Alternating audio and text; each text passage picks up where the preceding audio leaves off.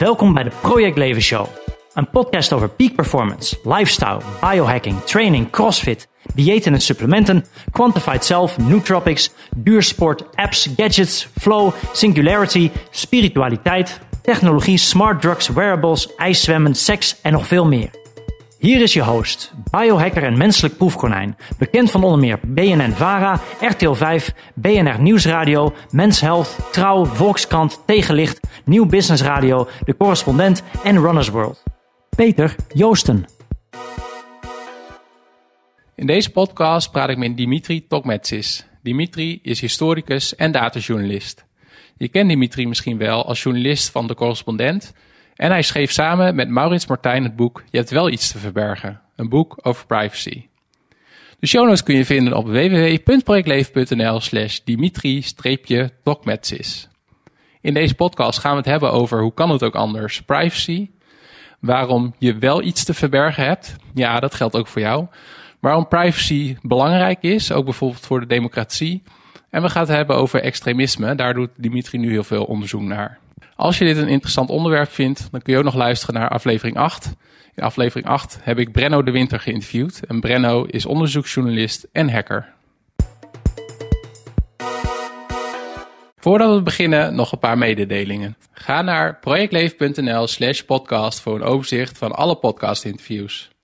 Luister je deze aflevering in je favoriete podcast-app, vergeet je dan niet te abonneren op de Project Show. Wil je niets missen van de Project Leven Show? Ga dan naar www.projectleven.nl. Als je dat doet, blijf je ook op de hoogte van mijn persoonlijke experimenten, de artikelen die ik schrijf, de vlogs en video's die ik opneem en de biohacking en de quantified self meetups die ik organiseer. Je kan je daar ook abonneren op mijn nieuwsbrief en een gratis cheat sheet downloaden. Tot slot vind je er de links naar al mijn social media kanalen, zoals Instagram, Facebook en YouTube. Ga naar pto's.net als je meer wil weten over de lezingen, presentaties en workshops die ik geef en het advieswerk wat ik doe als het gaat om quantified self, biohacking en de impact van nieuwe technologie op de mens, het bedrijfsleven, instellingen en organisaties, de overheid en de maatschappij. Het maken van deze podcast vind ik echt fantastisch om te doen. En jij, jij kan ook je steentje bijdragen aan de Project Leven Show. Ga daarvoor naar patreon.com slash projectleven. En daar kun je kiezen voor hoeveel euro per maand je de Project Show steunt. En dat kan al vanaf 1 euro per maand. In ruil daarvoor krijg je leuke achtergrondverhalen en anekdotes over het maken van een podcast. Uh, vandaag in de Project Show te gast uh, Dimitri Tokmetsis. We nemen het op bij uh, de correspondent. Ehm, eerste vraag, wie ben jij voor de mensen die luisteren? Um, nou, Dimitri Tokmetsis dus. Ik uh, ben officieel datajournalist van de correspondent. Dat betekent dat ik veel, ja, ik, doe, ik zie mezelf meer als een uh, onderzoeksjournalist die gebruik maakt van data, veel. Dus ik gebruik veel methoden waarbij ik online informatie probeer binnen te halen, te structureren en te analyseren. Dan heb ik niet over CBS-data, maar bijvoorbeeld over um, internetverkeer. Ik heb een heel groot onderzoek ooit eens gedaan naar de advertentiewereld. Um, de online advertentiewereld, nou ja, op de oude journalistieke manier, dan uh, pak je de telefoon en dan ga je advertentiebedrijven bellen. Maar wij hebben gewoon zelf de technologie gebruikt, dus computers gebruikt en smartphones gebruikt en het verkeer afgetapt en gewoon in het verkeer zelf gekeken wat er gebeurt. Dus in de code zelf gekeken. Dus uh, ik probeer dat soort technologische uh, middelen te gebruiken om ja, andere bronnen aan te spreken. Mm -hmm. dus. Ja, we gaan het daar uitgebreid straks over hebben. Want dat, uh, wat je net vertelde komt ook, staat ook in het boek wat je met Maurits Martijn hebt geschreven. Ja. Um, maar ik was wel benieuwd, is er iets waarover jij gepassioneerd bent, maar dat mensen dat eigenlijk niet weten? ja, ik ben wel eigenlijk een ontzettende nerd uh, voor wiskunde en natuurkunde. Ik ben altijd heel slecht geweest in die twee vakken, dus, wiskunde en natuurkunde. En ik moest het meest ook laten vallen op de middelbare school. Maar ik heb er altijd een grote interesse voor gehouden. Dus uh, in mijn vrije tijd lees ik vooral boeken over ehm, ehm, ja, allerlei natuurkundige principes en zo. Zoals de rol van informatie als natuurkundig principe. Er is zo'n fenomeen, dat noemen ze wel it for, from bit. Uh, dat is het idee dat als je helemaal tot de kern teruggaat eh, van wat de werkelijkheid is, dat je op een soort binaire situatie terechtkomt. Uh, een soort bits eigenlijk. Dat het hele universum uit bits bestaat. Dat is iets waar wil ik ooit nog eens een keer een verhaal over schrijven, maar ja, dat is zo complex. Ja, daar heb ik gewoon veel meer tijd voor nodig. Maar ja, dat zijn dan een soort hobbyprojecten voor mij. Dus in mijn vrije tijd zit ik allemaal van die hele taaie boeken en dat soort dingen te lezen.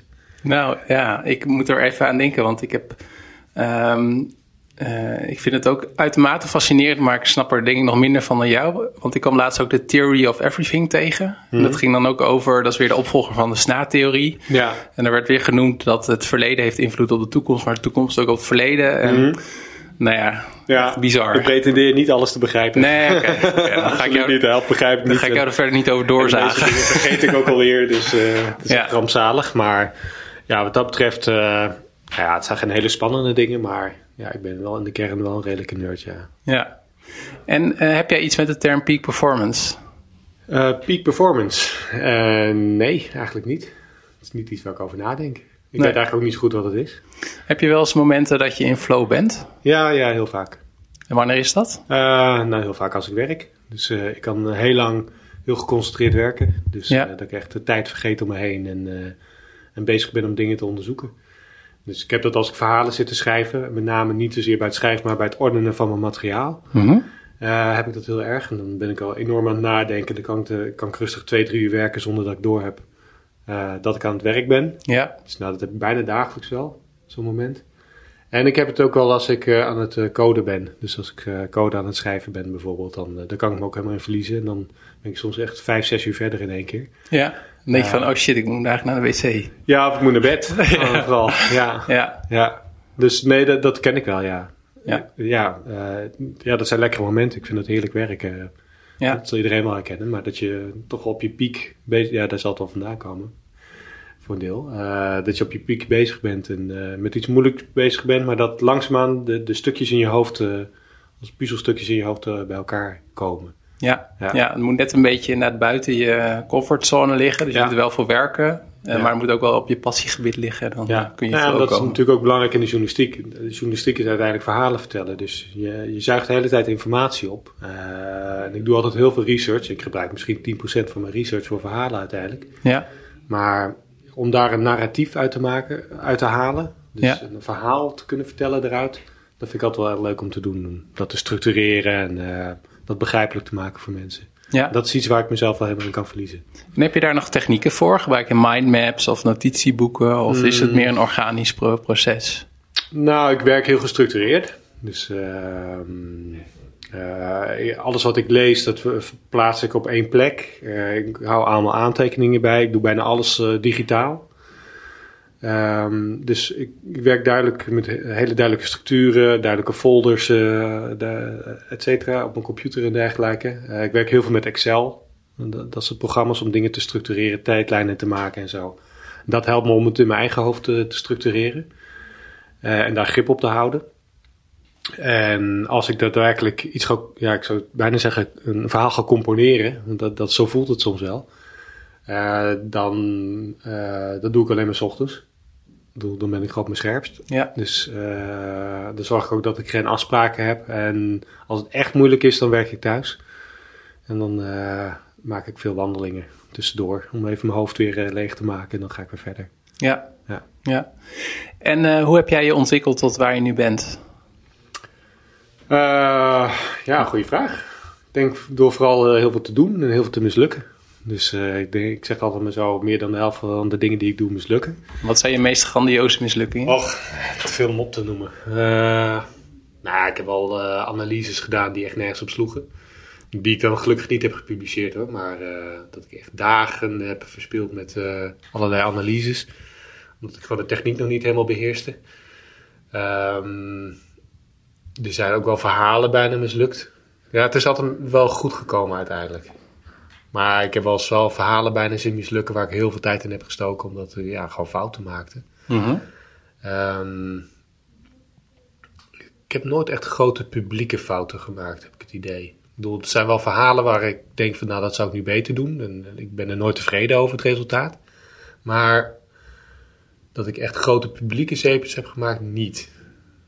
Gelukkig, nog niet. Maar dat Nee. gaat vast nog een keer gebeuren, want ja, fouten maken horen er gewoon bij. Dus je moet ook wel een beetje aardig zijn voor jezelf, vind ik. Dat soort momenten. Maar, ehm, en die fouten maken moet ook gewoon. Ik bedoel, dat is de enige manier waarop je het leert. Ik bedoel, als je nooit risico's neemt, maak, ja, dan maak je geen fouten inderdaad. Mhm. Maar ja, als je nieuwe methoden en dergelijke wil ontwikkelen om journalistiek te bedrijven, of wat voor werk je dan ook doet, ja, dan moet je toch dingen proberen en dat mislukt gewoon. En gelukkig krijg ik bij de correspondent daar ook tijd voor. Ik bedoel, eh, als ik een paar dagen eh, aan iets werk en het lukt niet, dan staat er geen hoofdredacteur naast mijn bureau die zegt, eh, Pak je spullen maar. ja, ja, het wordt geaccepteerd. Ja, en eh, we hadden dit voorgesprek al over. Je hebt een tijdje in New York gewoond. Ja. En daar ook een boek geschreven. Mhm. Wat deed je daar verder? Nou ja, dat vooral. Ik probeerde een eenmanszaak op poten te krijgen. Dus ik was al freelancer. Ik werkte daarvoor in Maastricht. Eh, ik, was, ik was daar naartoe verhuisd omdat ik eh, eh, mijn vrouw, mijn huidige vrouw, daar heb leren kennen. Ehm, in New York aangekomen was ik al mijn opdrachtgevers kwijt. Ik werkte daarvoor vooral voor NRC Handelsblad. Maar die, ja, die hadden al iemand in New York. En daar geldt, je komt niet aan elkaars opdrachtgevers. Dus ik moest eigenlijk vanaf nul af aan een nieuwe, heel nieuw portfolio opbouwen. Dat is me aardig gelukt. Eh, maar eh, ja, ik heb vooral aan dat boek gewerkt. En ja, op een gegeven moment is mijn zoon daar geboren. En eh toen heb ik nog een tijdje voltijd op mijn zoon gepast. Ja. En daarvoor, ja, want jij bent historicus. Daarvoor Ja. heb je geschiedenis gestudeerd. Ja, dat is al langer geleden hoor. Want ik werkte al een tijd in de journalistiek. Dus ik ben in 2001 begonnen op een, bij een regionale krant, het Utrechts Nieuwsblad. Dat bestaat niet meer. Dat is nu onderdeel van het Algemeen Dagblad geworden. Daar ben ik begonnen. Eh, en daarvoor deed ik dus geschiedenis. Zeven jaar lang. Dat kon toen nog. Min of meer. Zonder overdreven hoge schulden. Ehm, ja, dus eh, ja, toen heb ik geschiedenis gestudeerd. Ja, en wat, eh, ik was, ben wel benieuwd, wat was het onderwerp van... nou, ik ben een, slecht historicus, zeg ik altijd maar. Want ik interesseer me voor heel weinig geschiedenis. Eigenlijk alleen moderne geschiedenis. Dus ja, de rest heb ik allemaal wel moeten doen natuurlijk. zoals middeleeuwse en, en de oudheid. Maar ik heb me vooral gericht op de internationale betrekkingen. Eh, economische geschiedenis veel gedaan. En ehm, ja, dan vooral van de moderne tijd. Dus Ja. 19e en 20e eeuw. Ja, maar dat verklaart ook wel, eh, en dan maak ik een mooi bruggetje naar, naar jullie boek. Ehm, toen ik dat las, kan ik, kon, kan ik dat er wel een beetje nu beter plaatsen. Wat Mhm. jij zegt, want daar gaat het ook heel erg over, ja, niet alleen over privacy aan zich, maar ook hoe dingen zijn ontstaan. Of Ja. om daar iets meer context bij te geven. Want eh, als, ik heb, als ik het heb over dat boek, dan is het, eh, je hebt wel iets te verbergen, dat, eh, dat je hebt geschreven met Maurits Martijn. Waarom hebben jullie destijds besloten om dat boek te schrijven? Nou, ehm, het was Maurits' idee. Ik had na mijn eerste boek voorgenomen om nooit meer een boek te schrijven. Omdat ik, eh, ik hou niet zo van het schrijfproces. Eh, het is gewoon moeilijk om echt een goed boek te schrijven. En je bent er lang mee bezig. Eh, ik ben meer een researcher. Ehm, maar ehm, ja, het was zijn idee en hij heeft me dat weten te verkopen. In die zin dat, nou, we hadden natuurlijk al heel veel over privacy geschreven, allebei. Er zijn niet echt goede boeken nog. Tenminste, toen waren er nog geen goede boeken op dat vlak. Eh, we hebben leuk onderzoek gedaan altijd bij de correspondent. En ehm, ja, we dachten het wordt gewoon tijd om dat eens te bundelen. Ja. Om daar een, eh, een groter verhaal mee te vertellen. Dus eh, we wilden ook niet, niet alleen maar een beetje de verhalen aan elkaar schrijven die we hebben gedaan. We zijn echt eh, gewoon opnieuw begonnen. En vanaf, vanaf het begin af aan een groter verhaal willen vertellen met het boek. Dan we nou ja, met die losse stukken kwijt konden. Ja. ja, dus de artikelen waren er al eerst en toen is dat het Ja. fundament geweest voor het boek. Dat is vooral de research geweest, denk Ja. ik. Ja. Ja, En we hebben delen hebben we wel gebruikt hoor, natuurlijk. Maar uiteindelijk is dat zo herschreven. Ja, uiteindelijk hebben we vijf of zes versies gemaakt. Ehm, dus ja, het eindresultaat lijkt niet meer op wat het ooit was aan artikelen en dergelijke. Dus het is echt een heel apart werk geworden daarin. ja, ja. En ehm, een van de voorbeelden die ik het meest schokkend vond, was eh, dat jullie schrijven over een app voor de smartphone, die eigenlijk wel, als ik het goed vertaal, die kan luisteren van wat, wat, wat er op televisie gebeurt. Dat, is die, Ja. dat hij dat op die, eh, zo op die manier meet. Dat was wel een van de dingen waar ik het meest van schrok. Eh, waar ben jij het meest van eh, geschrokken toen je de research deed? Nou, dat was niet, niet één ding, maar eerder een, een, een groeiend besef tijdens het schrijven. Namelijk, eh, als we het hebben over privacy en, en, en de bedreiging daarvan, dan hebben we vaak de- toch de neiging om meer naar de overheid te kijken. Eh, de overheid is een soort 1984-staat-achtige ding. Dat is een metafoor die nergens op slaat overigens, maar... ehm, het besef kwam bij mij wel dat als we al iets te vrezen hebben, dat dat meer vanuit be- van bedrijven zijn. Omdat eh, het verschil tussen surveillance door bedrijven en surveillance door overheden eh, nauwelijks meer bestaat. Uh, daarmee bedoel ik het volgende. Uh, er is zo'n grote infrastructuur opgezet op internet door commerciële bedrijven, als Google, Facebook, maar ook alle adverteerders die, uh, die, al onze, die eigenlijk ons de hele dag weten te volgen. En het enige wat overheden hoeven doen is daar gebruik van maken. Dus je ziet heel veel overheden, zoals de NSE bijvoorbeeld. Die NSE gaat niet ons allemaal bespioneren. Die heeft daar niet zoals de Stasi in de jaren 80 en de jaren 70 een enorm uh, bureaucratie voor op hoeven tuigen. Het enige wat zij doen is bij Google gewoon een kopietje opvragen eigenlijk. Dus eigenlijk doet Google en Facebook en dat soort bedrijven doen het, nou ja, het harde werk. Het vuile werk zou ik bijna willen werk, zeggen. Ja. Ik bedoel, ze doen natuurlijk gewoon wat ze moeten doen of wat ze willen doen. Um, maar eigenlijk uh, voeden ze daarmee de overheden die daar veel meer gebruik van kan maken. Dus zonder die infrastructuur van bedrijven en die technologie van de bedrijven kunnen overheden helemaal niet zoveel. Dus je ziet dat nu ook met die sleepwetdiscussie uh, die gaan is in Nederland. Het is niet dat de AIVD dat allemaal zelf gaat doen. Ik bedoel, die hele infrastructuur die ligt er al. De technologie is al lang ontwikkeld en zij hoeven dat alleen maar aan te schaffen en, en bij een grote telecommaatschappij in te pluggen. En daarmee wordt het eigenlijk al gedaan. Dus ik denk zelf dat je wat kritischer moet kijken naar bedrijven daarin. En de rol en de macht die in die infrastructuur zit. Dus wie gaat het precies over? Waar gaat het dan naartoe, al die data? Uh, dan dat je per se naar de overheden moet kijken. Ik denk dat daar een kleinere bedreiging in zit uiteindelijk. Ja, en dat is eigenlijk wel wat mij, bij mij ook bleef hangen, is dat dan ook wel een hele innige uh, kluwen die dan eigenlijk is ontstaan. Eigenlijk de situatie die je net beschrijft. Dus dat de overheid ook hè, voor antiterreur mm en jullie schrijven over, over de Belastingdienst. Dat vond ik ook wel een heel interessant voorbeeld. Over dat zij ook data mogen gebruiken. Eigenlijk alles onder het label fiscaal relevant. Ja. Um, maar dat het ook wel lastig is om als overheid, denk ik, om dan ook strenge wet en regelgeving dan erover te, te stellen. Ja, kijk, overheden hebben die bedrijven ook gewoon nodig daarin. En, uh, aan de andere kant, ja, dat, is altijd een enorme worsteling binnen overheden. Ik bedoel, uh, zelfs binnen een ministerie als uh, het ministerie van Binnenlandse Zaken bijvoorbeeld. Ik bedoel, de, daar valt de AIVD valt eronder. Dus dat is een enorm, die hebben een enorme behoefte om juiste informatie te, te, krijgen. Aan de andere kant zijn ze ook verantwoordelijk voor uh, uh, een deel van de privacybescherming daarin. Samen met het ministerie van Justitie uiteraard. Maar het ministerie van Binnenlandse Zaken heeft ook een rol in. Ze is ook uh, verantwoordelijk voor de informatiehuishouding van de overheid. waarbij ze weer oog moeten hebben voor de veiligheid en dergelijke van dat soort dingen. Dus er zitten allerlei tegenstrijdige belangen in, ook in die organisatie. Ja. En dat zijn dus tegenstrijdige belangen die ik als journalist natuurlijk ook ervaar. Ik bedoel, ik, maar continu schend ik de privacy van anderen door mijn werk. Door informatie te verzamelen. Door dingen te publiceren die anderen misschien niet gepubliceerd willen hebben. Dus ik ben ook weer afhankelijk van de beschikbaarheid van bepaalde informatie. Ja. Aan de andere kant pleit ik ook juist weer voor het behoud van privacy. Dus ja, dat botst vaak ook in mijn werk. Ja, ja. En lig je daar dan wel eens s'nachts van wakker? Nou, wakker niet, maar uh, soms vind ik dat wel moeilijk. Ja, van hoe ga je daarmee om? Om een voorbeeld te geven, ik ben bezig met een groot project nu over prostitutie in Nederland. Ik heb al een aantal jaren ben ik al, ja, dat is dan ook zo'n, misschien een beetje gekke hobby. Dat doe ik voornamelijk in mijn vakantie. Ik ben benieuwd wat er nu gaat komen. nee hoor, niks, uh, niks uh, scabreus of zo. Uh, nee.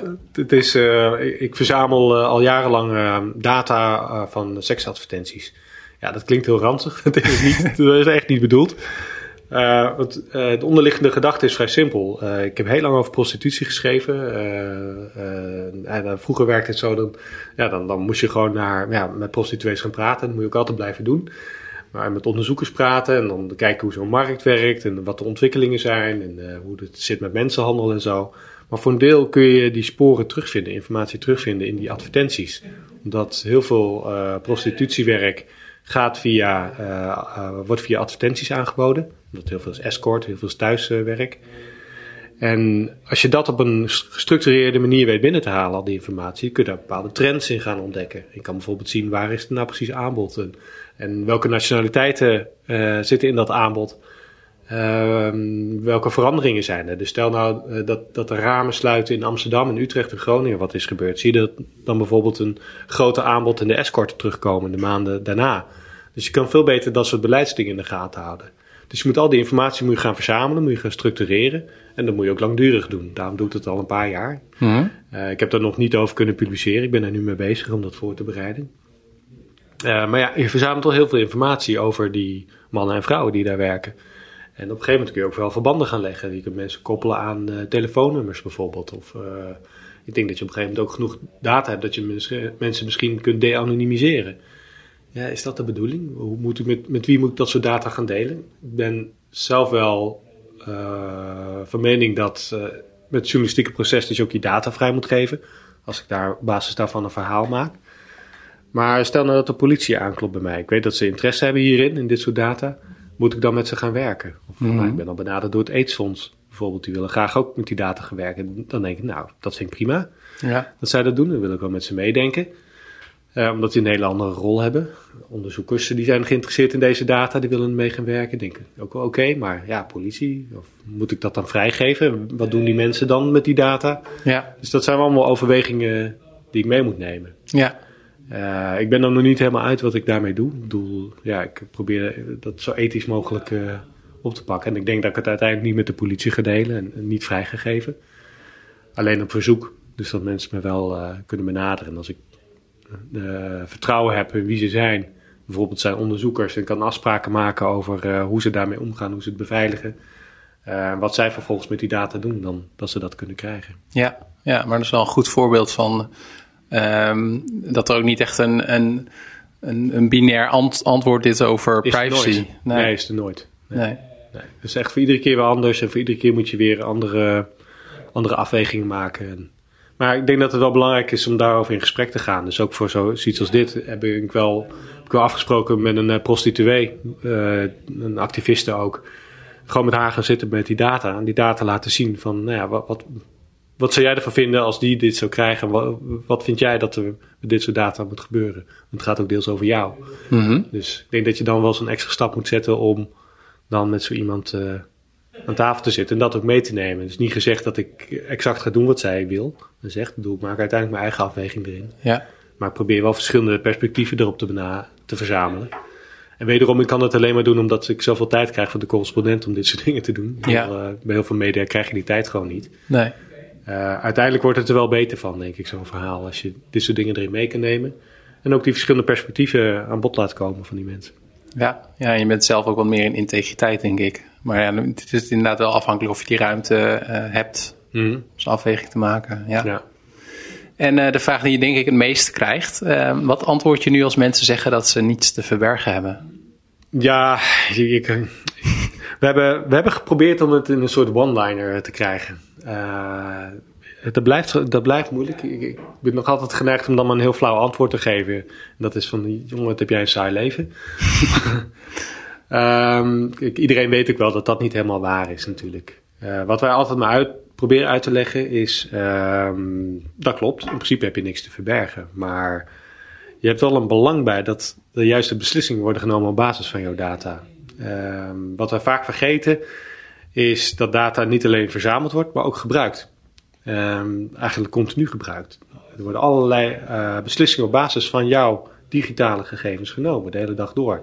Dat zijn kleine beslissingen, zoals advertenties. Welke advertentie krijg je te zien? Of uh, uh, nou ja, dat soort dingen. Of welke berichten krijg je in je timeline te zien? Er zijn ook hele grote beslissingen. Mag je bijvoorbeeld een land binnenkomen? Of krijg je een verzekering aangeboden? En tegen welke prijs? Um, krijg je een krediet? Bijvoorbeeld. En tegen welke voorwaarden? En op zo'n moment uh, heb je er wel baat bij dat je weet welke data er zijn gebruikt en of dat op een goede manier is gedaan. Dus of er, of er een juiste afweging is ge, ge, gemaakt. En nou ja, wat wij in ons boek laten zien is dat het dus vaak helemaal niet gebeurt. En dat met name in dat gebruik van data allerlei problemen zitten. Mm -hmm. En dat het echte privacy-probleem eigenlijk daarover gaat. En dan heb je het niet zozeer over het probleem van iets te verbergen te hebben. Maar het gaat veel meer over discriminatie bijvoorbeeld. Word jij op een goede manier behandeld? Het doel van heel veel van dit soort informatieverzameling, van bedrijven, maar van overheden, is het maken van onderscheid tussen mensen. Ze willen gepersonaliseerd beleid voeren. Dat kan dus zijn iemand een bepaalde advertentie laten zien en de andere man niet. En dat doen ze om bepaalde risico's uit te bannen. Je wilt dat mensen op zijn advertentie klikken en dat je dus geld verdient. Het kan zijn om bepaalde klanten buiten de deur te houden als verzekeringsmaatschappij. Of een terrorist te onderscheppen en iemand anders door te laten gaan uh, bij de douane. Uh, allemaal van dat soort. Uh, we worden allemaal continu in dat soort categorieën geplaatst andere mensen. En op basis van zo'n categorie behandeld. Maar hoe zorg je ervoor dat dat niet tot discriminatorisch gedrag leidt, uiteindelijk? Dat je daar op een of andere manier. Ja, weet je dat je tot een bepaalde categorie behoort, bijvoorbeeld. En uh, weet je of dat goed is, of dat klopt. En zo niet, kun je daar iets aan doen. Uh, nou ja, in ons boek noemen we zat voorbeeld van mensen die dan niet in zo'n goede categorie terecht zijn gekomen. En die daar gewoon hele, heel veel schade van hebben ondervonden. Ja, ja. Wat ik ook een heel interessant voorbeeld vond, is uh, wat jullie volgens mij ook schrijven, is dat bijvoorbeeld iemand uh, ja, bij de douane er niet doorheen kwam en dat het dan heel veel tijd kostte voordat dat was opgehelderd. Maar dat, dat hij toen later een standaard politiecontrole tegenkwam. Maar bleek dat, die politie, dat de politie eigenlijk weer een verouderde dataset had gebruikt. Waar, en dan kon hij eigenlijk weer helemaal opnieuw beginnen. Ja, dat, ja, dat is meer zo'n privacy als Kafka-esque probleem. Ja? Dus ja. Uh, ja, dat je gewoon niet meer weet waar het allemaal blijft. En het zijn allerlei van die verschillende metaforen uh, die je kunt loslaten op privacy. Dus je hebt de Orwell-metafoor, dus 1984. Dat je doordat je continu in de gaten gehouden wordt dat je je anders gaat gedragen. Dat is een beetje het idee. Je hebt de Kafka-metafoor, dat je niet weet waar je data eindigt. Dat er allerlei foute data over jou uh, gebruikt worden, waardoor jij continu in de problemen komen dat je die problemen ook niet meer kan herstellen. Um, je hebt ook de Matrix-metafoor, uh, die ik zelf wel charmant vind eigenlijk. En dat, dat is meer hoe wij ons tot platforms als Google en Facebook verhouden. Namelijk dat wij niet de klanten zijn, maar de, eigenlijk uh, de grondstof. en dat de echte klanten voor, uh, dat zijn de adverteerders. Uiteindelijk, wij worden zeg maar verkocht als, aan die adverteerders. Uh, wij zijn zeg maar die batterijtjes die, die de machine voeden. Onze ja. data zijn dat in ieder geval. Ik denk, de, er zit wel een kern van waarheid in, denk ik. Um, je zou, die, het zijn allerlei van dat soort metaforen te verzinnen natuurlijk. Maar ik denk zelf wel, wat ik zelf wel de sterkste vind, is toch uh, wat men dan social sorting noemt. Dus uh, het idee dat je op basis van data steeds in allerlei categorieën wordt geplaatst. En op basis van die categorie wordt behandeld of niet. Dat noemen ze dan persoonlijke uh, dienstverlening. En dat is ook heel goed en ook heel fijn als het om Spotify gaat en om Netflix en zo. Dan vind ik het heel fijn dat ik op basis van mijn vroegere luistergedrag goede playlists aangeboden krijg. Het is alleen problematisch als het om beslissingen gaat die er echt toe doen in je leven en van grote invloed zijn op je leven. Bijvoorbeeld, ja, wat je in Amerika ziet, dat er algoritmes worden gebruikt om te bepalen hoe lang jij gevangen wordt gezet. En die algoritmes blijken helemaal niet zo neutraal te zijn.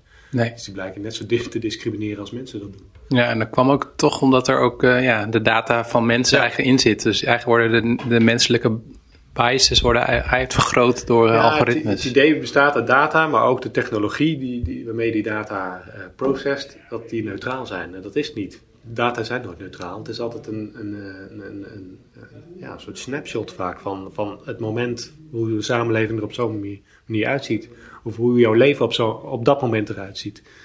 Um, dat is niet de, de, samenleving en de mens is gewoon veel ingewikkelder. Die kun je niet zo makkelijk in dat soort data dingen vangen. Ja, daar denk jij vast anders over als Quantified zelf. Uh, nou, ik, ik, ik, kan me wel herinneren dat ik uh, vorig, of begin dit jaar had ik een uh, optreden bij de Fontys Hogeschool. En toen werd ik een soort van techno-utopist hoek gezet. En er was een filosofie-leraar uit Tilburg. En die zat aan de andere kant. Dat was heel interessant. Maar die zei van ook... Um, dat was de eerste keer dat ik op die manier nadacht over privacy. Want die zei van, ons, ons, ons idee van privacy verandert ook heel erg. Want in, uh, hij had het over, in 1800 sliep uh, een hele gezin op één kamer. Nou had ja. je ook helemaal geen privacy. Dus, uh, maar ik vind het wel ja, ik heb er ook niet echt een antwoord op. Maar ik vind het wel goed dat, je, dat jullie met het boek, uh, ja, in ieder geval ook weer daar wat over ja, discussie over aanzwingen. Want, merk je ook dat dat veranderd is? Nu bijvoorbeeld, uh, we nemen nu op, nu het ook allemaal gaat over de sleepwet. Mm-hmm. En denk je dat dat überhaupt maatschappelijk steeds meer opkomt of lijkt dat zo? Ja, nee, dat denk ik wel. Als ik het vergelijk, ik begon ongeveer tien jaar geleden met, met dit onderwerp over te schrijven. Daar was er nauwelijks aandacht voor. En nu is het gewoon echt al een ding. Ik bedoel, het vertaalt zich nog niet zo terug in de politiek. Het is niet iets dat in de Tweede Kamer bijvoorbeeld heel erg leeft, heb ik het idee. Maar wel eh, op, eh, op niveau van de Europese Unie. Er komt een hele strenge privacywetgeving aan volgend jaar. En best wel goede wetgeving ook. Dus van alles op aan te merken, maar het zet wel echt een nieuwe standaard voor hoe er met onze gegevens wordt omgegaan.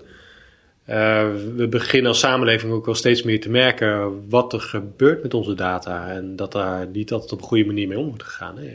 We, lezen natuurlijk continu over al die hacks die, die plaatsvinden. Uh, waar mensen toch wel ja, wat benauwd over worden en uh, wel maatregelen eisen. We zien de invloed van platforms als Facebook op onze verkiezingen in één keer. En de verspreiding van fake news. Dus dat, we beginnen dus wel te voelen dat het wel belangrijk aan het worden is. En dat merk je ook wel terug in de, in de maatschappelijke discussie. Die is al een stuk verder dan, laten we zeggen, vijf jaar geleden. Toen ging het nog heel erg over inderdaad iets te verbergen hebben. Dat hoor je niet zoveel meer. Nu worden al discussies gevoerd over moeten we inzage krijgen in hoe algoritmen werken en hoe die besluiten tot stand worden gekomen. Dat is redelijk normaal discours aan het worden. Wat meer in mhm. Amerika nog dan hier, maar uh, dat, begin, dat soort verhalen begin je wel ook te lezen. Dus ik denk dat het niveau van de discussie echt al flink vooruit is gegaan.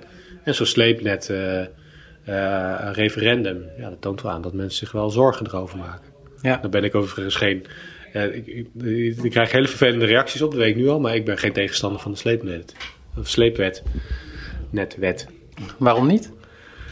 Omdat ik denk dat een AIVD gewoon met zijn tijd mee moet kunnen gaan en ook uh, internetverkeer moet kunnen aftappen. Ik ben niet helemaal blij met deze wet. Ik denk dat het toezicht veel beter moet. Maar mhm. het feit dat ze die, die bevoegdheid krijgen vind ik niet meer dan logisch in dit geval. Dus ik vind dat mensen wel een beetje bang worden gemaakt voor wat de AIVD mag doen. Ja. Volgens mij is de AIVD niet het grootste probleem. Ik denk als mensen nou echt met hooivorken de straten willen gaan, kunnen ze misschien beter uh, langs Facebook uh, gaan lopen. Als je überhaupt weet waar je moet zijn.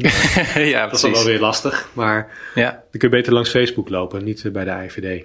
Ja, en wat is het, uh, het gevoel dat een beetje blijft hangen na het, na het schrijven van het boek over privacy? Of is dat al aan bod gekomen in, in onze eerdere passages als je het hebt over van, nou, het is elke keer toch een, een afweging, of het mhm. is uh, blij dat het, uh, de discussie zich ontwikkelt, of is er een ander gevoel? Nee. Nou ja, het gevoel is bij ons in ieder geval vooral dat we blij zijn dat er zoveel aandacht voor is. En, ja. uh, dat hadden wij niet verwacht. Ik bedoel, we gingen vanuit dat, we, dat het best wel opgepakt zou worden, hoor, maar zo groot. We hebben, dat we zoveel zouden verkopen, zoveel zouden gevraagd worden op uh, toch wel goede plekken. We worden uitgenodigd heel veel bij de overheid. En uh, dan heb je het echt wel over uh, de CIO's en dat soort dingen. En bij gemeentes die ons willen spreken. En ons soort, bijna een soort, alsof we een soort consultant zijn bijna. Ja. Of advies kunnen geven hoe, hoe ze met dingen moeten omgaan en zo. Dus er is een enorme behoefte aan informatie. En ik denk dat er ook al veel goede wil is om dingen beter te doen. Ja. dus ja, we hebben toevallig een paar weken geleden hebben, uh, nog een stuk geschreven over een jaar na het verschijnen van het boek. Daar zijn we eigenlijk best optimistisch als we terugkijken over het afgelopen jaar. En, uh, natuurlijk, er is heel veel werk te verzetten nog. En uh, het is allemaal nog niet koekenij en er komen nieuwe uitdagingen op, met name op het gebied van kunstmatige intelligentie. Maar over het algemeen, ja, we hebben een goed gehoor gekregen. Dat, dat had ik van tevoren niet verwacht. Ja, dat is wel een mooie vergelijking. Ja. ja. En uh, je noemde net al even over gemeenten en overheden. Mm. Um, waarom is privacy belangrijk voor de democratie? Dan kun je de term uh, onzichtbaar prikkeldraad, want die, dat, uh, dat vond ik al een mooie ja. uitdrukking. Ja, dat is vooral een stokpaardje van Maurits. Um, het komt er eigenlijk op neer dat, dat je ruimte moet hebben om je, je mening te kunnen vormen en ook van mening te kunnen veranderen, denk ik. maar dat je een soort plek kunt hebben waarbij je soort rust kunt vinden om tot een afgewogen oordeel te komen over zaken. En het feit dat alles wat je zegt wordt gezien, veel dingen van wat je zegt wordt gezien, en ik moet eerlijk zeggen, we plaatsen ook zelf alles online, dat kan wel tegen je gaan werken. En dat uh, zorgt er wellicht voor dat standpunten zich ook verharden uiteindelijk. En dat je ook onbeweegbaarder gaat worden in, in waar je bent. En dat het gesprek, ja, dat, hebben, dat zien we continu op sociale media het is niet zo dat het gesprek er beter op wordt per se. Dat, uh, tegendeel. Misschien eerder slechter. Dus denk het niet gezien worden. En het niet te veel weten van andere mensen. Uh, dat dat wel goed is. Een soort van smeerolie, een soort van slek in het systeem eigenlijk. Ja, ja, ook. Ja, als ik kijk naar mijn eigen buurt bijvoorbeeld. Uh, ik kan het hartstikke goed vinden met mijn kapper. maar ik weet weinig over zijn politiek. En ik denk dat dat wel goed is, soms. Want mhm. uh, ook al kom je er op een gegeven moment achter dat je iemands politiek jou helemaal niet aanstaat, dan heb je al wel een band met elkaar opgebouwd. Uh, het is wel goed om soms stapsgewijs iemand te leren kennen uh, en niet meteen te weten waar iemand voor staat. ik denk ook heel veel mensen op Twitter, daar zou ik nu al moeite mee hebben om daar vrienden mee te worden, omdat ik hun politiek al niet, niet goed kan luchten. Ja. Dus ehm, dat te veel weten is soms wel slecht. Soms is het goed om weinig te weten en elkaar langzaam te leren kennen, denk ik. En prijs te geven op het moment dat je het prijs wil geven. Zodat je in ieder geval al iets van een band hebt met elkaar en ook daarmee meer empathie. Dat is volgens mij het meest, wat het meeste mist op dit moment. Eh, je hoeft elkaar niet aardig te vinden, er hoeft geen sympathie te zijn. En ik denk wat het heel moeilijk maakt, soms sociale media, eh, dat, dat is eigenlijk ontzettend uh, paradoxaal, is empathie je ziet het standpunt, niet meer de mens erachter. Uh, je, ziet, je ziet altijd het kleine dingetje, nooit, uh, nooit wie iemand in zijn geheel is. Dus het oordeel ligt er altijd, uh, ligt er altijd voorop, zo'n beetje. Ja. Ja. In plaats dat je af en toe eens even terugtreedt en even rustig nadenkt of iemand gewoon rustig leert kennen. En ik wil nu niet als een oude opa klinken van de vreselijke sociale media, maar ik denk dat heel veel mensen dat wel zo ervaren. Ik bedoel, ik weet niet hoe in jouw omgeving zit, maar mijn omgeving zijn heel veel mensen gewoon, die vinden Facebook niet meer leuk. En die Ja. vinden, zijn Twitter zat en eh, het kost te veel tijd. Maar ook al het gescheld en geklaag. En eh, ja, ik vind het zelf veel prettiger om mensen maar op een andere manier te leren kennen. Mhm. Je leert Ja. elkaar niet kennen, Nee. uiteindelijk. En ik denk dat dat wel een probleem is. Ja, ja. Nee, dat heb ik zelf ook wel een beetje hoor. Ja, voor, ook voor mijn blog en, en eh, hou ik het allemaal wel bij. eh, maar voor mezelf ook denk ik van ja, het zijn ook steeds meer kanalen. En, en Mhm. het aanbod wordt ook steeds groter. En hoe, hoe, ja, hoe val je daarin ook op? En dan ja, ga je ook wat meer de randen opzoeken. En eh, Ja. ja. Ja. dat is wel interessant. Ik weet niet of je het boek Homo Deus hebt gelezen. Nee, sorry. Ehm, maar dat gaat wel even, gaat wel even voort op, op het beeld wat je net schetste van die, eh, de, de Matrix-paradox. Eh, of mijn metafoor. Namelijk dat, we, dat het dataïsme ontstaat. Dat we eigenlijk als mens gewoon allerlei data verzamelen voor een, wat er voor een hoger liggend doel. Dus dat de hele wereld wordt georganiseerd rondom algoritmes en kunstmatige intelligentie. Ja. Is dat een, een reëel doemscenario? Nou, ik, ik, ik weet niet, ik weet niet hoe die... eh, Het boek ligt thuis hoor, ik moet het wel lezen. maar eh, ik weet niet of het een doemscenario is. Wordt, wordt het als doemscenario gepresenteerd? Nou, ehm, ja en nee. Dus ik, ik heb laatst een, eh, het was wel heel leuk om te doen, een, een boekbespreking georganiseerd. Dus daar heb ik een soort van samenvatting over het boek verteld. En daarin zeg ik ook dat ik, wat ik heel goed aan het boek vind, is dat hij ja, die ontwikkelingen schetst om eigenlijk eh, om ook mensen al na te laten denken over wat er mogelijk kan gebeuren.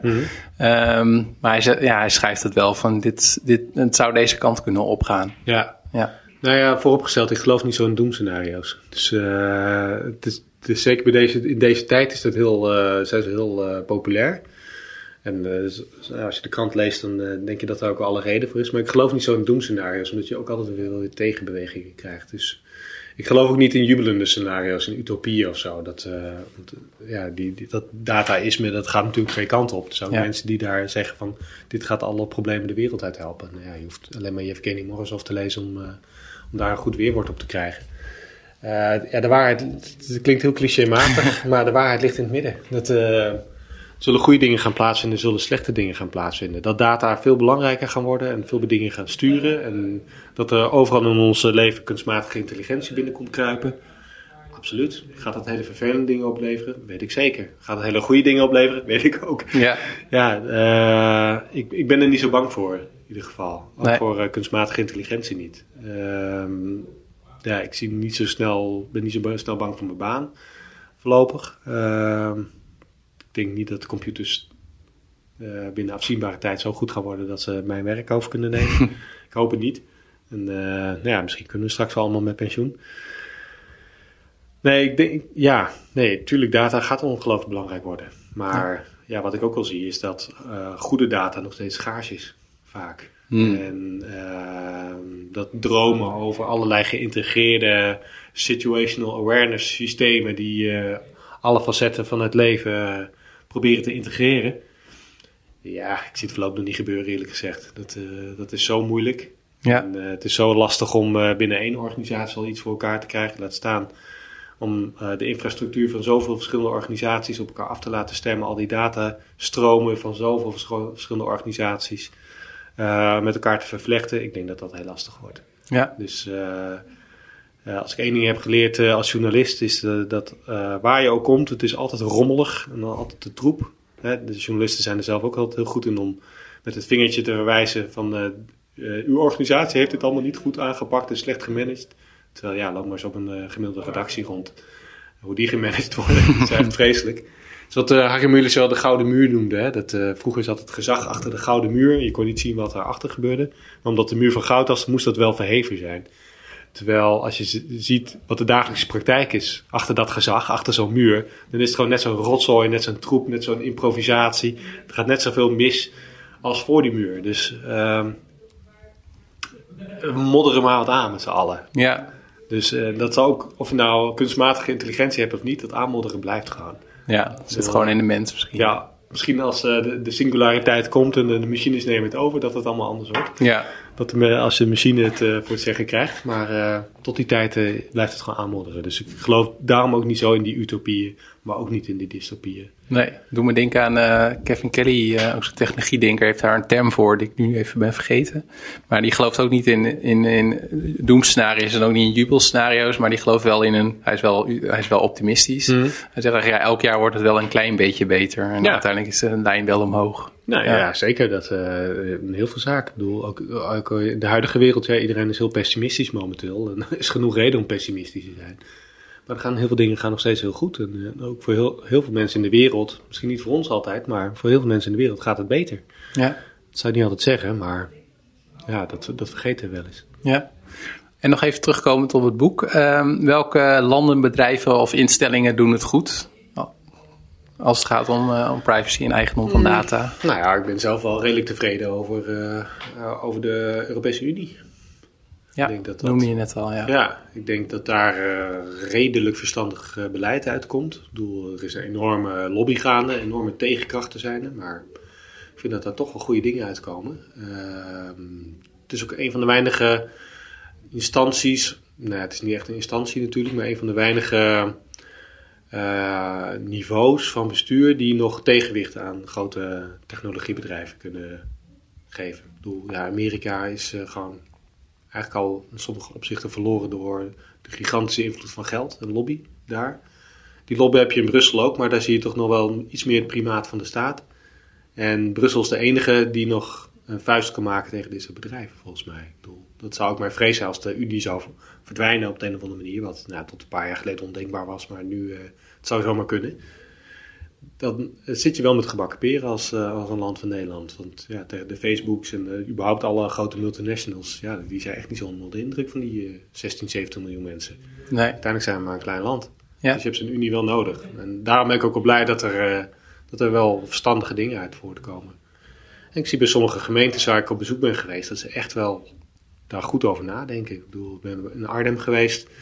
Er is een wethouder die daar eh, goed mee bezig is en, uh, en dat daar hard neemt en zijn hele organisatie privacyvriendelijker probeert te maken en bewust is van welke data ze allemaal gebruiken. Eindhoven is daar redelijk bewust mee bezig. het zijn bedrijven die het wel goed willen doen, denk ik. Ik bedoel, ja, Google, het is Google, ja, die zit in een moeilijke situatie natuurlijk, want ze hebben die data nodig. Dus ze willen nooit dat extra stapje zetten, uiteindelijk, die nodig is. Maar ze hebben wel hele goede acties ondernomen om de data van mensen in ieder geval te beveiligen. Goed te beveiligen. Hm? Ik denk dat ze daar wel echt uh, op voor lopen. Apple, die een paar goede stappen heeft gezet in het verbeteren van de privacy. Nog niet genoeg, maar je merkt dat ze zich wel aantrekken. En dat op een gegeven moment ook een uh, middel wordt om ze te onderscheiden van de concurrentie. Wat Apple bijvoorbeeld is, die presenteert zich nu toch wel een beetje als privacyvriendelijker alternatief dan uh, van Google. Ja, ja. Wel de Google producten wel beter zijn nog steeds dan die van Apple, moet ik eerlijk zeggen. Maar, ja, maar misschien ja. juist ook door het gebruik van, uh, ja. andere gebruik van die data. Ja. ja. En uh, jullie hebben een, uh, en ik zal het linkje opnemen bij de show notes, een uh, digitale zelfverdedigingsgids op de website staan. Mm -hmm. maar voor mensen die nu de podcast in de auto luisteren en straks iets willen doen, um, ja, wat zou er nummer één, of wat zou een tip zijn om, om jezelf beter te beschermen? Um, stoppen met Facebook? Nee, ik vind dat je niet moet stoppen met technologie. Dat vind ik echt jammer. Dat zou niet de bedoeling zijn. Um, je moet wel bewust daarmee omgaan. Dus nou, check altijd al je instellingen bijvoorbeeld. Dat, is, dat zijn vaak kleine dingen waarmee je heel veel winst kunt halen. Uh, gebruik een adblocker. zijn heel veel bedrijven niet blij mee als je dat zegt, maar het geeft wel een duidelijk signaal af tegenwoordig. Gebruik een adblocker en betaal dan ook gewoon voor zoveel mogelijk diensten. Ik bedoel, ja, je ontneemt websites wel hun geld, inkomsten. Ehm, maar ook je browserinstellingen. Uh, wis regelmatig je cookies, zorg dat het allemaal veilig is. Dus let goed op die instellingen ook bij Facebook. Daarmee is al een wereld te winnen, denk ik. Maar weet je, vooral, het is ook een uh, deel van bewustzijn. Omdat het online is, je ziet het niet dat het gebeurt. Dus je wordt heel achterloos daardoor.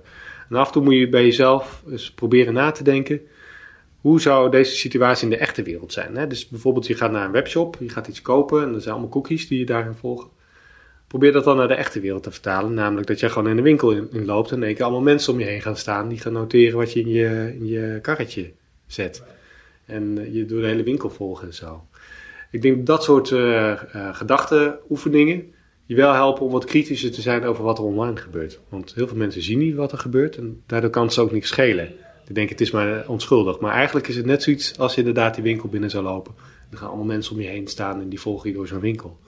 Dat zou je ook niet zo prettig vinden. Nee. Dus zo'n gevoeligheid moet je bij jezelf zien te ontwikkelen uiteindelijk. En dan hoef je echt die technologie niet links te laten liggen. Blijf vooral op Facebook.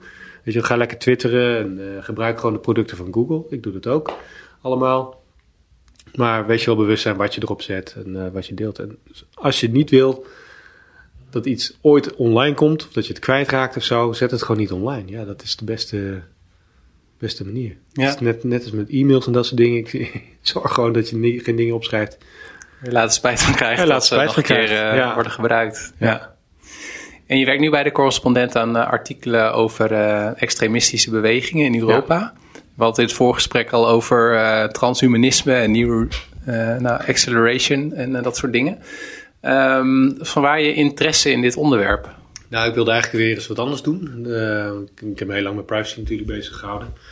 En ehm, eh, het is ook de, tijdsgeest ook nu. Ik bedoel, ja, er is een enorme ruk naar rechts eh, gaande, nog steeds. Eh, we hebben natuurlijk een aantal belangrijke verkiezingen in Europa gehad. En we doen steeds alsof dat met een enorme sisser is afgelopen. Maar als je naar iedere, iedere verkiezing kijkt, heeft, nou, behalve de Britse dan, daar heeft de rechts toch wel flink gewonnen.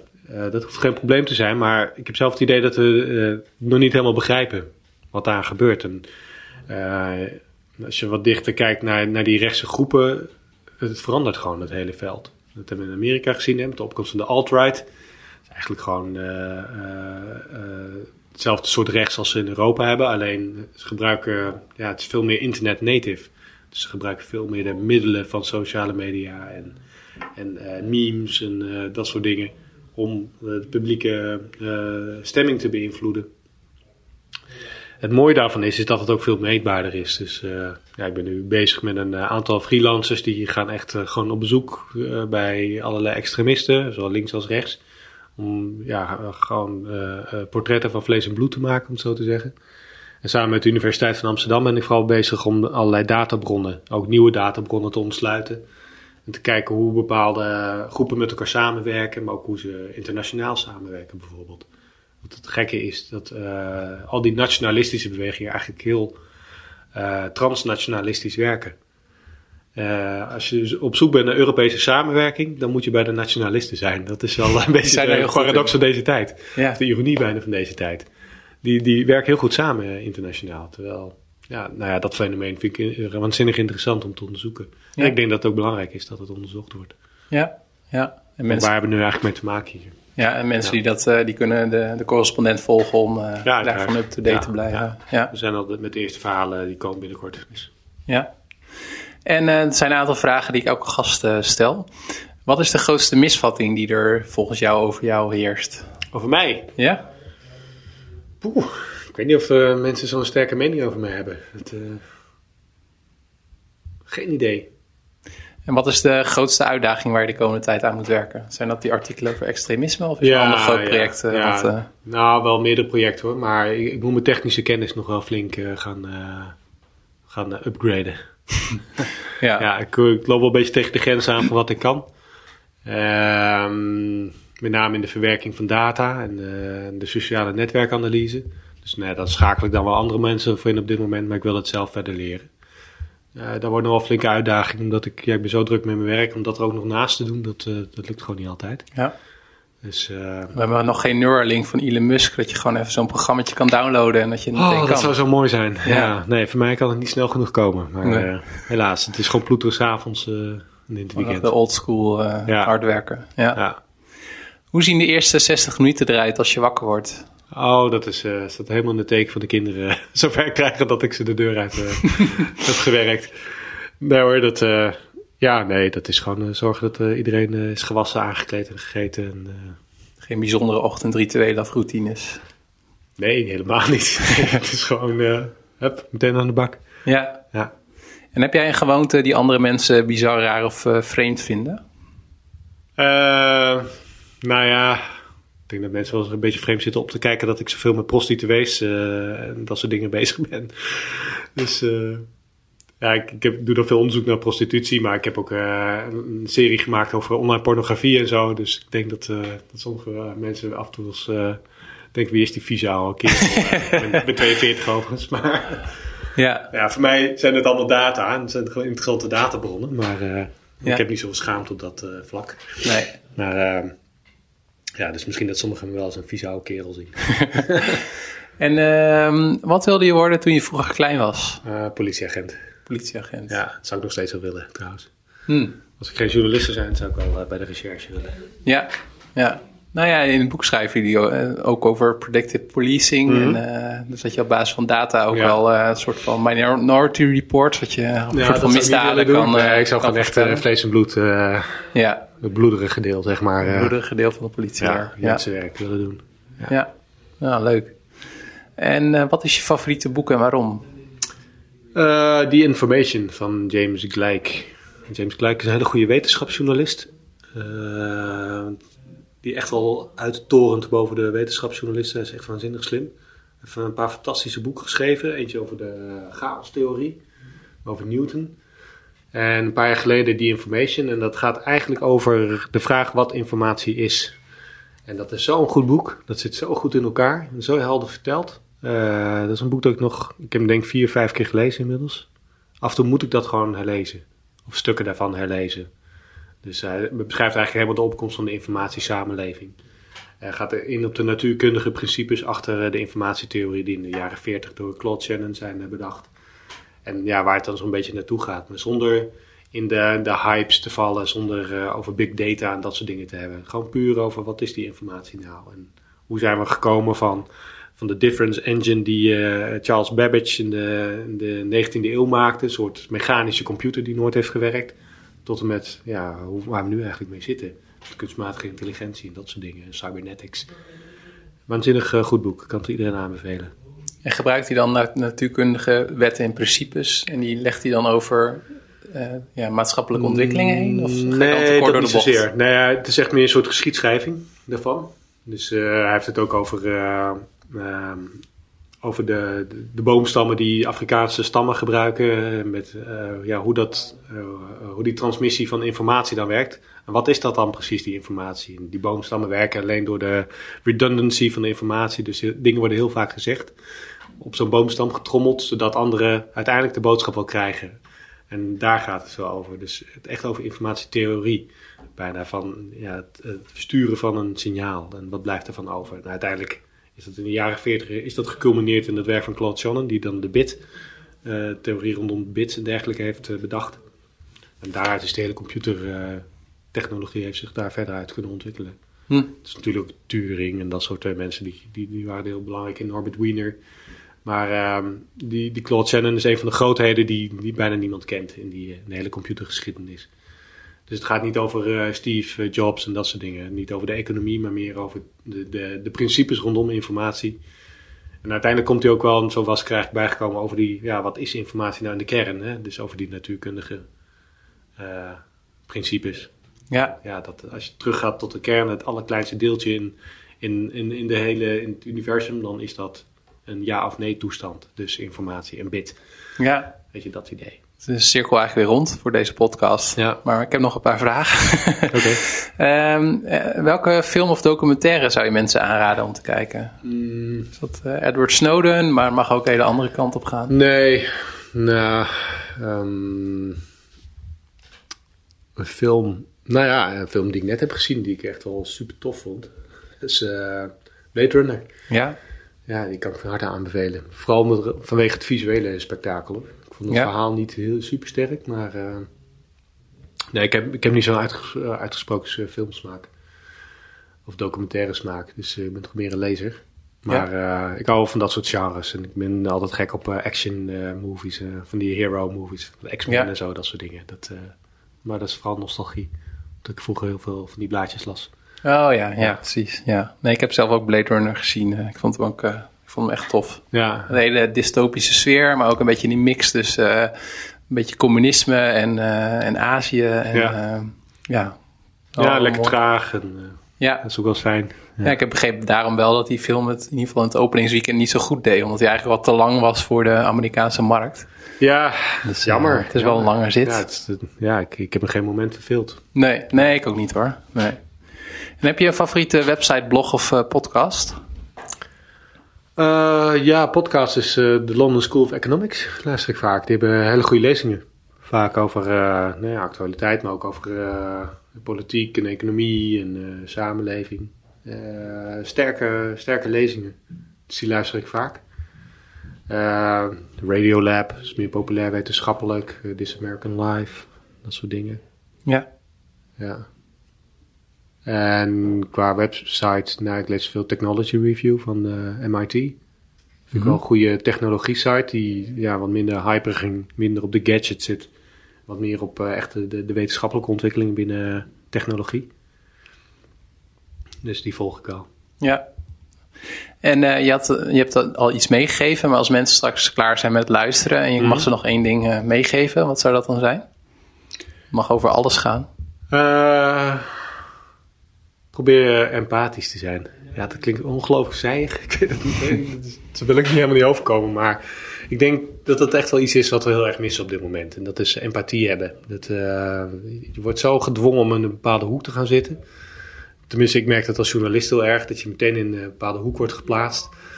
Uh, je bent dan links of een grachtengordel, wat allemaal onzin is. Maar um, ik denk dat de wereld er een stuk beter uit zou zien als ze inderdaad iets minder in die schermpjes kijken en wat meer het gesprek aangaan met elkaar. Ik mis dat ook wel eens uh, gewoon in de publieke ruimte. Ja, het klinkt weer zo'n, uh, komt weer zo'n opa, opa loopt te mopperen verhaal.